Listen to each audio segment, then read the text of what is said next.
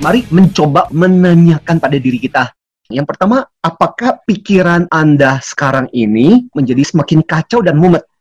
Pertanyaan yang kedua, apakah Anda merasa bahwa sekarang ini mulai banyak menghidupi perasaan-perasaan yang negatif? Pertanyaan yang ketiga, apakah Anda merasa jadi nggak bisa ngapa-ngapain? Malah lebih banyak melakukan hal-hal yang lebih nggak produktif atau bermalas-malasan aja di tengah kondisi sekarang ini?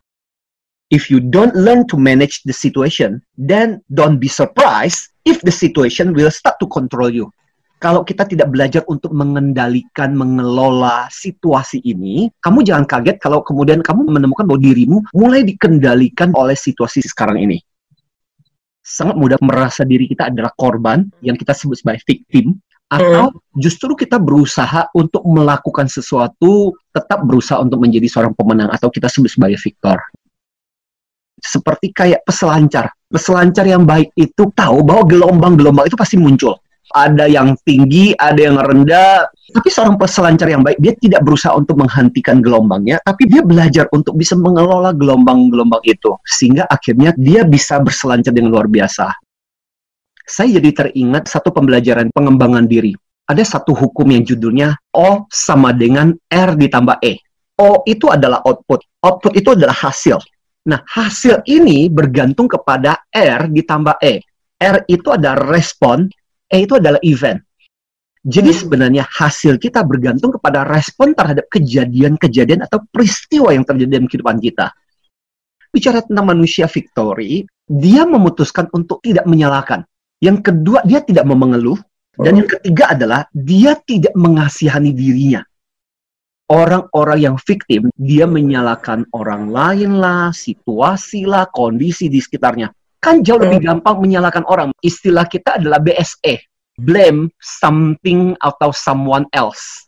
Manusia-manusia yang victim ini dalam situasi ini dia merasa gini, aku yang mesti dikasihani, aku yang paling menderita dalam situasi ini orang-orang yang merasa dirinya victim atau korban itu pada dasarnya itu punya tiga kepercayaan. Pertama-tama dia percaya bahwa orang-orang di luar sana bisa pemerintah lah, para konspirator lah, negara lain lah.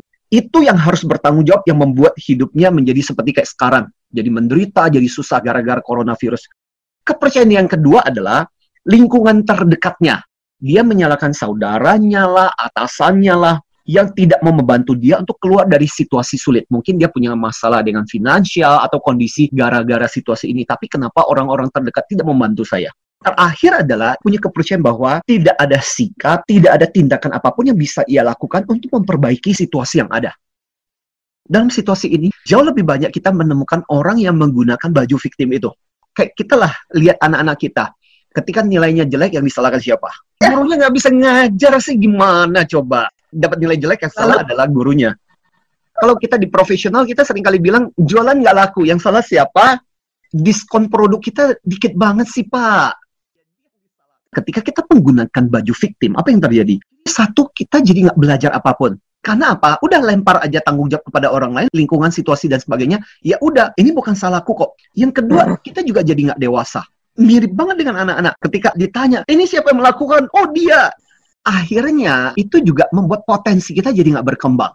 Daripada mencoba untuk mencari solusi, yang kita lakukan adalah terus-menerus menyalahkan. Ini kalau saya bilang ada empat no. No choice. Aku nggak punya pilihan yang lain. Saya bisanya ya bersikap seperti ini.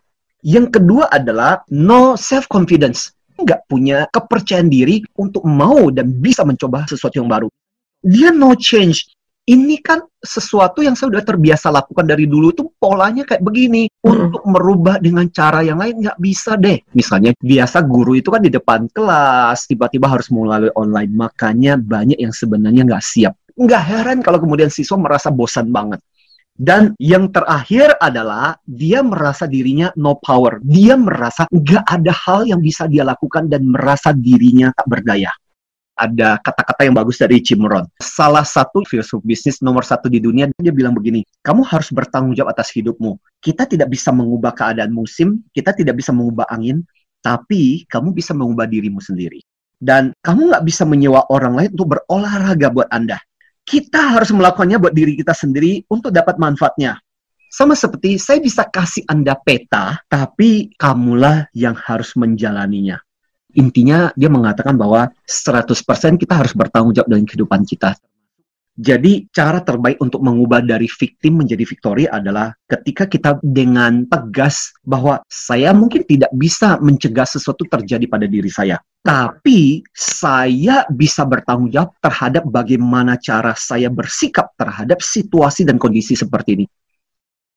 Tips mengenai tujuh langkah. Jadi pertama-tama adalah di area mana dalam kehidupan kita sekarang ini kita harus pikirkan misalnya kesehatan, misalnya belajar untuk keuangan. Jadi belajar untuk tetap mengambil kendali meskipun situasi kondisi sekarang ini sulit. Kedua adalah kamu juga harus sadar hal-hal apa yang berada di luar kendali kamu. Mungkin menyangkut peraturan pemerintah.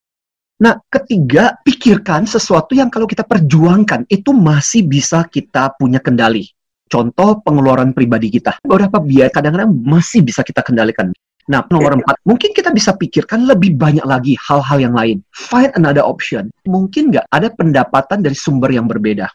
Dan berikutnya, bagaimana kita membuat rencana khusus untuk mulai mengendalikan. Ketika kita nggak merubah apa pun, maka nggak ada situasi yang berubah. Itu nomor lima. Nomor enam kita adalah mulailah lakukan itu.